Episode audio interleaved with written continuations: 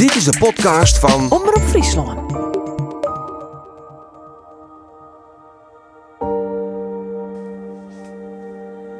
In 1979 stekken fjouwe Frieske jonkerels de oceaanoer op een vlot. De sterke Jerke. De fjouwe man, Leo van de Ploeg, vaak paling neemt, Frits Riemersma en de broers Guus en Chris Zwijgman binnen Wraaldnijs. Op dit stuit, meer dan 40 jaar later, wordt er opnieuw een vlot bouwd, de sterke Jerke Fjouwer. De freune ploeg van Doe wil haar een ideaal oerdragen aan een nieuwe generatie. And uh, where do you come from? Over. Yeah, I read you loud and clear. Well, we are on our way. We are on our way from Holland, the north of Holland, and we are heading for Tenerife at first, but we are bound for the Caribbean, for Curaçao. De fjouwman had in 1979 opnameapparatuur mooi en maakt je opnames onboord. Maar die opnames en een interview met Guus Zwijgman en Frits Riemersma, de twee oceaanbedwingers die het nog libje, ha ik, Geertje de Vries, een reconstructie maken van die legendarische reis. Tot mijn heupen zat ik erin, tot mijn bovenbeen. Het was helemaal geschaafd natuurlijk. Maar ik sloeg niet van boord. Dit is de podcast Sterke Jerke Treien, een oceaan van dremen.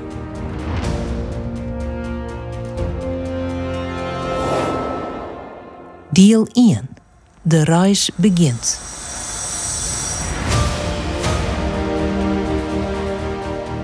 Maar we zijn in 72 met de Jerken begonnen. On het wut is Guus Zwijgman. Al vier jaar met het vlot bezig waren om lol te maken. hè. We hadden een bierpomp aan dek en een elektronisch orgel. En we vierden overal feest.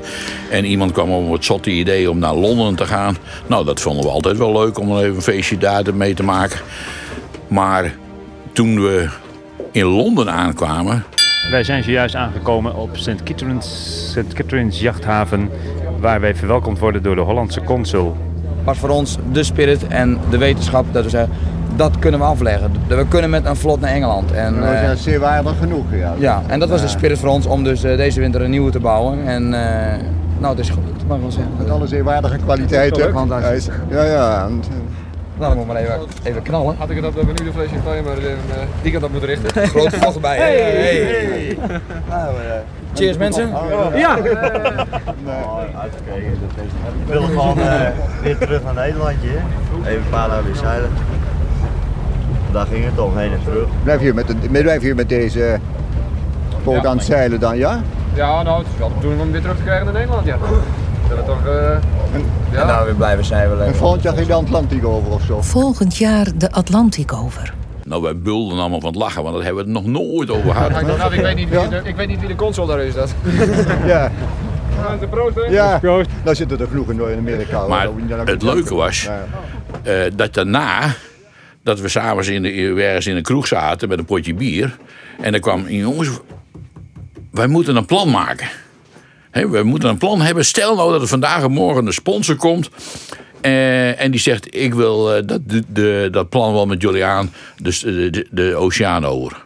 Dus ik zei, dan moeten we een plan klaar hebben. Nou, zo begon het. De drijflichaam bestaat uit- dus uit vijf buizen.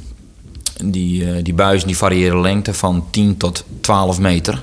Chris Zwijgman beschroeit hier het vlot. hebben we eh, drinkwatertanks ingemaakt van elk 220 liter. Zodat je vier verschillende tanks hebt. Dat je dus ook de minste kans op eh, bedervingen hebt van het totale drinkwater.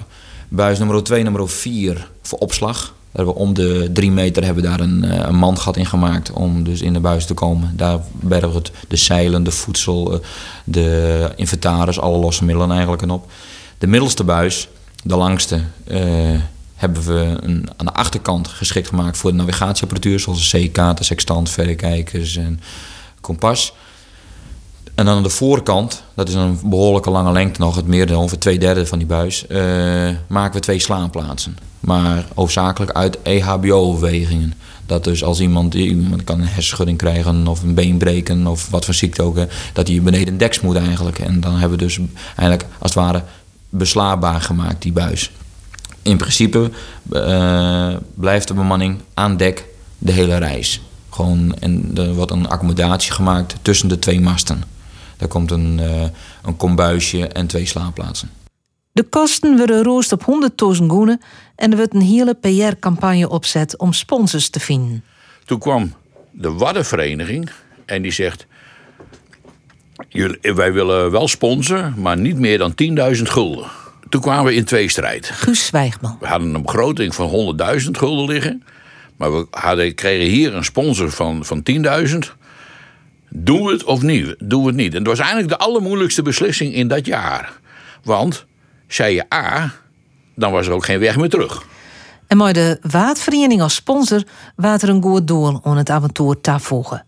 En een nieuw bemanningslid, een bioloog, Frits Riemersma. En op een gegeven moment, ik weet nog heel goed, in juni 1978. Ik eh, zat voor de tentamens, eh, kwam eh, Chris en Henk van Dam bij mij bestoep. eh, we willen je vragen of je meegaat. Nou, het toeval wilde dat ik net in het boek van eh Thor Heyerdahl, de, de Ra, zat te lezen. Want dat boeide mij enorm natuurlijk, die oceaan oversteken met een papieren slot.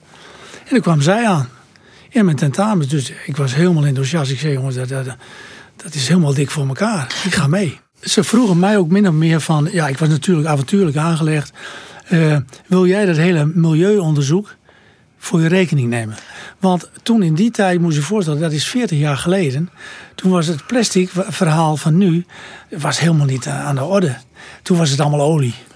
De oceaan lag half vol met olie. De stranden lagen vol met olie. De schepen loosden hun afvalolie uit de motoren zo de oceaan op. En toen zeiden we, nou dat is misschien een prachtig doel naast onze vlotvaart. Ook om extra aandacht te krijgen. En daar ben je ook ergens nuttig voor. En zo groeide dat. En toen zijn we dus echt ook met de Waddenzee Vereniging in zee gegaan. Dan is duidelijk dat de bemanning zal uit Leo van de Ploeg, die het altijd Paling neemt het, Chris Zwijgman, zijn broer Guus Zwijgman en dus Frits Riemersma. Op 14 april wordt de sterke Jerke Treien doopt en te wetterlitten en na een paar proeftochten op het Waad en de Rijn is het Hassevier. Nog een dag en dan vaart de sterke Jerke uit de haven van Haas op waai naar Curaçao. Het is allige drokte op en om het vlot.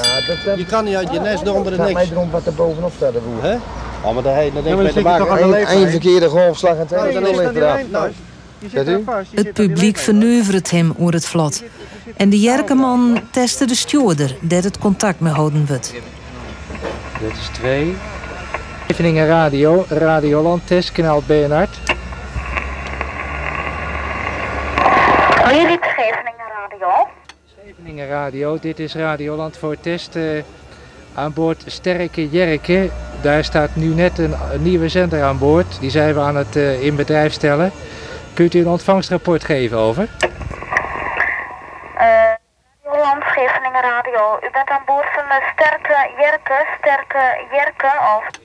Klopt, Scheveningen. En de positie is Harlingen. Harlingen is de positie over.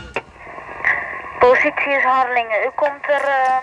ehm, We hadden natuurlijk een, een marifoon aan boord. Dat is een kleine radio voor schepen in de buurt. Maar we hadden ook een hele grote radio bij ons. Frits Riemersma. En die hadden we gekregen van het zeilschip de Eendracht. Een enorme radio en die paste mooi in de tent. En met die radio hadden wij contact met de radio Scheveningen. Ik vergeet het nooit weer. Hotel Sierra Papa Uniform. Papa Hotel Sierra Uniform. Papa Hotel Sierra Uniform. Dat was onze Dat code. William code. Dat was de code. Dat is een internationale eh, Ja. code voor elke letter van het alfabet. Precies, daar hebben vliegtuigen, maar ook schepen. En Guus als schipper, die had dan regelmatig contact met de Radio Scheveningen als er iets was.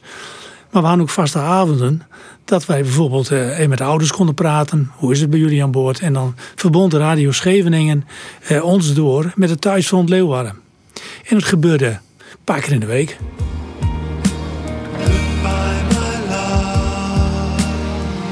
Dan is het 1 augustus 1979. Dit is Veronica. We zitten hier bij het stormachtige vertrek van het milieuvlot de Sterke Jerke, die via de Canarische eilanden gaat proberen naar de Verenigde Staten te komen. Over het hoe en waarom spreken we met leden van de bemanning. Uit de haven van Harlingen is het vlot Sterke Jerke 3 vertrokken. De vier opvarenden uit Leeuwarden willen met hun vaartuig de oceaan bedwingen. Aan boord van de sterke Jerke vroeg Lars Andersson de vier jongens wat zij met hun tocht willen bereiken. We willen twee dingen bewijzen. A, de, het avontuur is nog steeds mogelijk in deze tijd. B, de aandacht te vestigen op hoe ernstig de watervervuiling op dit moment is.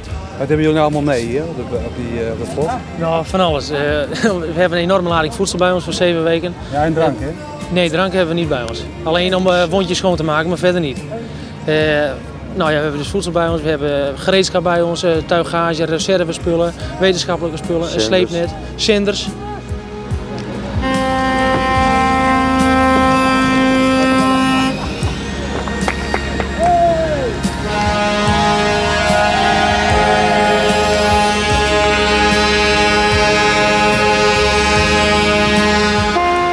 En ik de familieleden nimmer aanskiet. Vanaf een roefwitboord.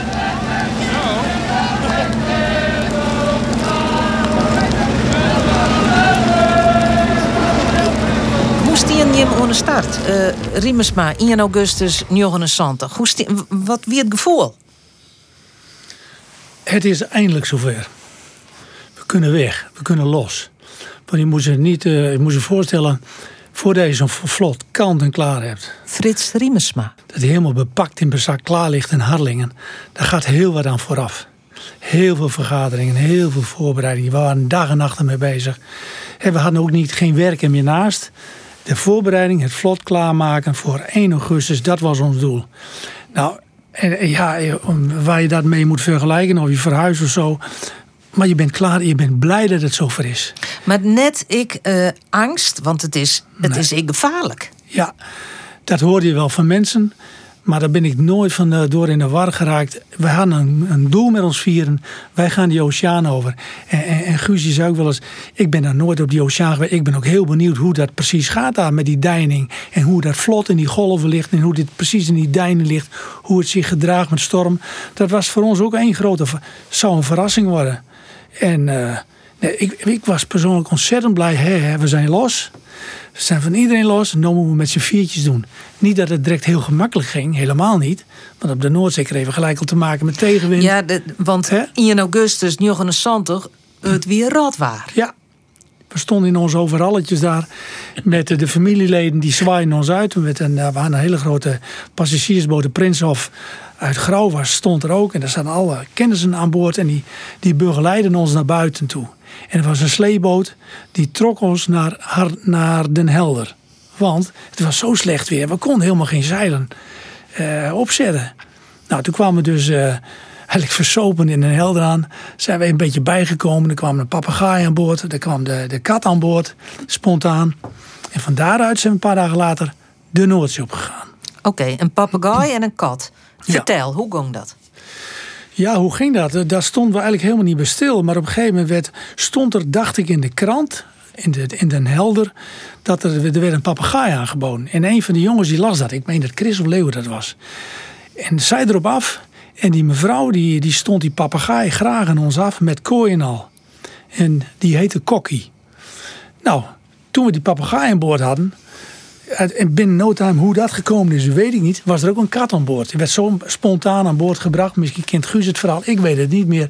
Maar de, de kat was ook ineens aan boord. En die hebben we maar Hummel genoemd. Waarschijnlijk. Er was dus één. eh, je hebt altijd mensen, als je dus in een ha- haven ligt en met een vlot, er komen altijd mensen kijken. Guus Zwijgman. En eh, daar komen ook altijd eh, dames komen langs en die zeggen: jongens, eh, je moet hebben- wat hebben om te knuffelen. Hij zei: dan moet je niet aan elkaar zitten, maar dan moet je eh, zo'n poes hebben. Dat is hartstikke mooi, die moet je aan boord hebben. Nou, en zo kregen we een jonkje. Waarschijnlijk een moeder die, die, die, die vijf jonkjes hadden. En die denkt: we Ja. lozen die handel. Hè, maar het was. eh, het het weer een jong katje. ja, een jong katje. Ja. De reis is begonnen. Fjouw Friese jongeman op een vlot zullen de oceaan oestekken. Maar eerst de Noordzee van Den Helder. Er is geen sleepboot meer, maar wel een volgboot, de Blue Stone. En de man houden een dagboek bij. We zijn eh, dus op zondag, 5 augustus aanbeland. Chris Zwijgman. Eh, dat begon dus heel plezierig met eindelijk de ontmoeting van het vlotschip. Was wel, wel zo eh, belangrijk aangezien de weersverwachting vrij slecht waren. Ondanks dat het nu nog eens even kijken, wat was het? Een noordwestenwind stond. Was de verwachting naar zuidwest tot zuid. En dat eh, gaf ons eigenlijk wel te denken, vooral de windkracht eh, weer 4 tot 6. We waren er blij, dat in ieder geval, eh, ook omdat we midden in de scheepvaartroute zaten, dat als er wat fout ging, dat je dan tenminste gelijk kon handelen in een bepaalde wijze. Nou, op het volle schip kwamen ze ook tot ontdekking dat de Jerk alweer een beetje naar de horizon trok. Dat die ging ook de zeilen hijsen en kwamen ons achterna. Toen werd de ploeg daar wakker. Er bleek een man of tien aan boord te zitten. Dat, eh, de ploeg kwam even aan boord, even kijken. Vooral eh, met ons bootje ging dat prachtig. Met het WPK motortje. We haalden de mensen even van het volle schip af. En die konden we even een poepje laten ruiken van eh, hoe het eigenlijk op de grote reis ging. Of gaat. Op een vlot. En via de media wordt Nederland op de hichte gehouden. Dit is eh, Willem Vergeer. Willem Vergeer is van het Algemeen Dagblad. Hoe gaat het met jullie? Over. Ja, goedemorgen Willem. Nou, uitstekend. Eh, de stemming was vanavond, vannacht even een beetje zagrijnig door een windstilte. Een windstilte waar we een, eh, een uur of zes hebben in Dit is Herman Emmink met Avro's Radiojournaal, dames en heren, goedemiddag. De Sterke Jerke, een zeilandvlot waarmee sinds zaterdag vier Friesen via de Canarische eilanden op weg zijn naar Curaçao, bevindt zich op dit moment 50 mijl ten westen van Noordwijk. Naast meteorologische waarnemingen worden er ook milieuonderzoeken aan boord van het vlot gedaan. Gute Nacht, Freunde.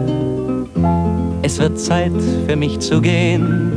Dit is Met het oog op morgen. Sterke Jerke is volschip kwijt en Den Uil morgen 60 jaar.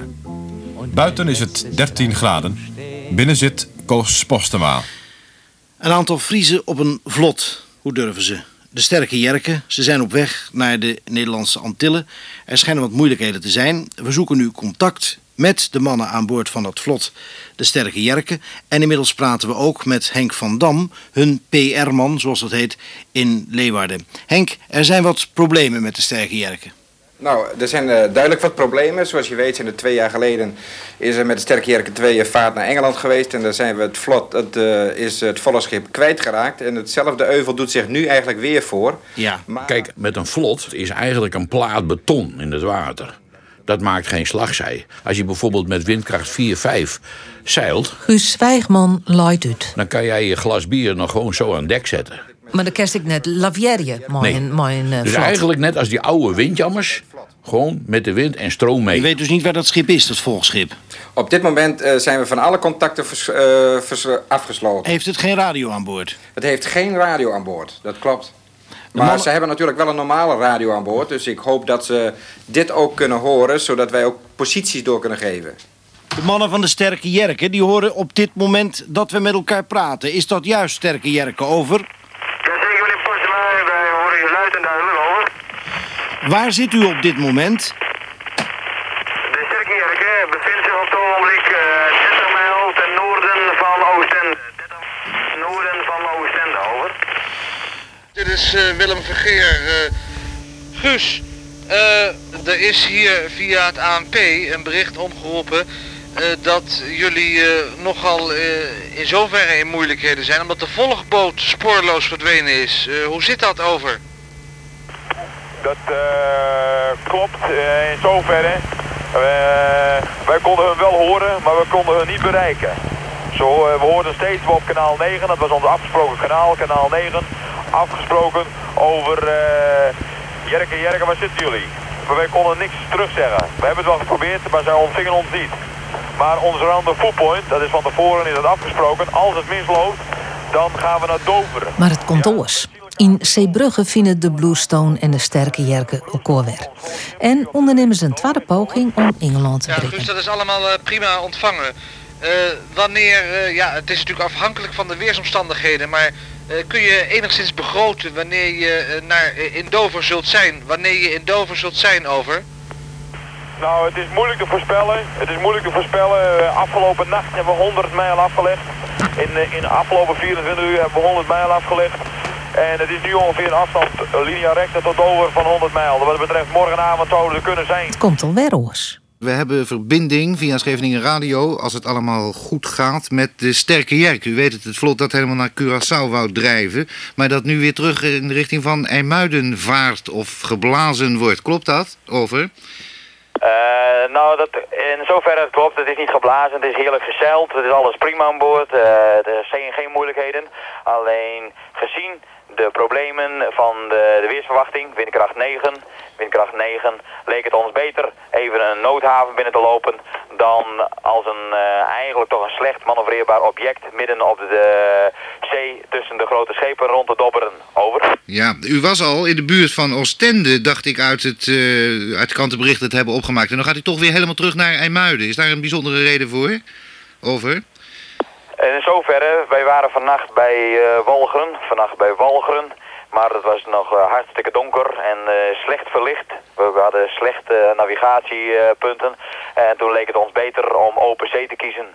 Toen kwam windkracht 7 door. En toen konden wij eigenlijk maar één ding doen. Dat is weer het open sop kiezen. En dat was alleen maar richting noordwest. Noordwest.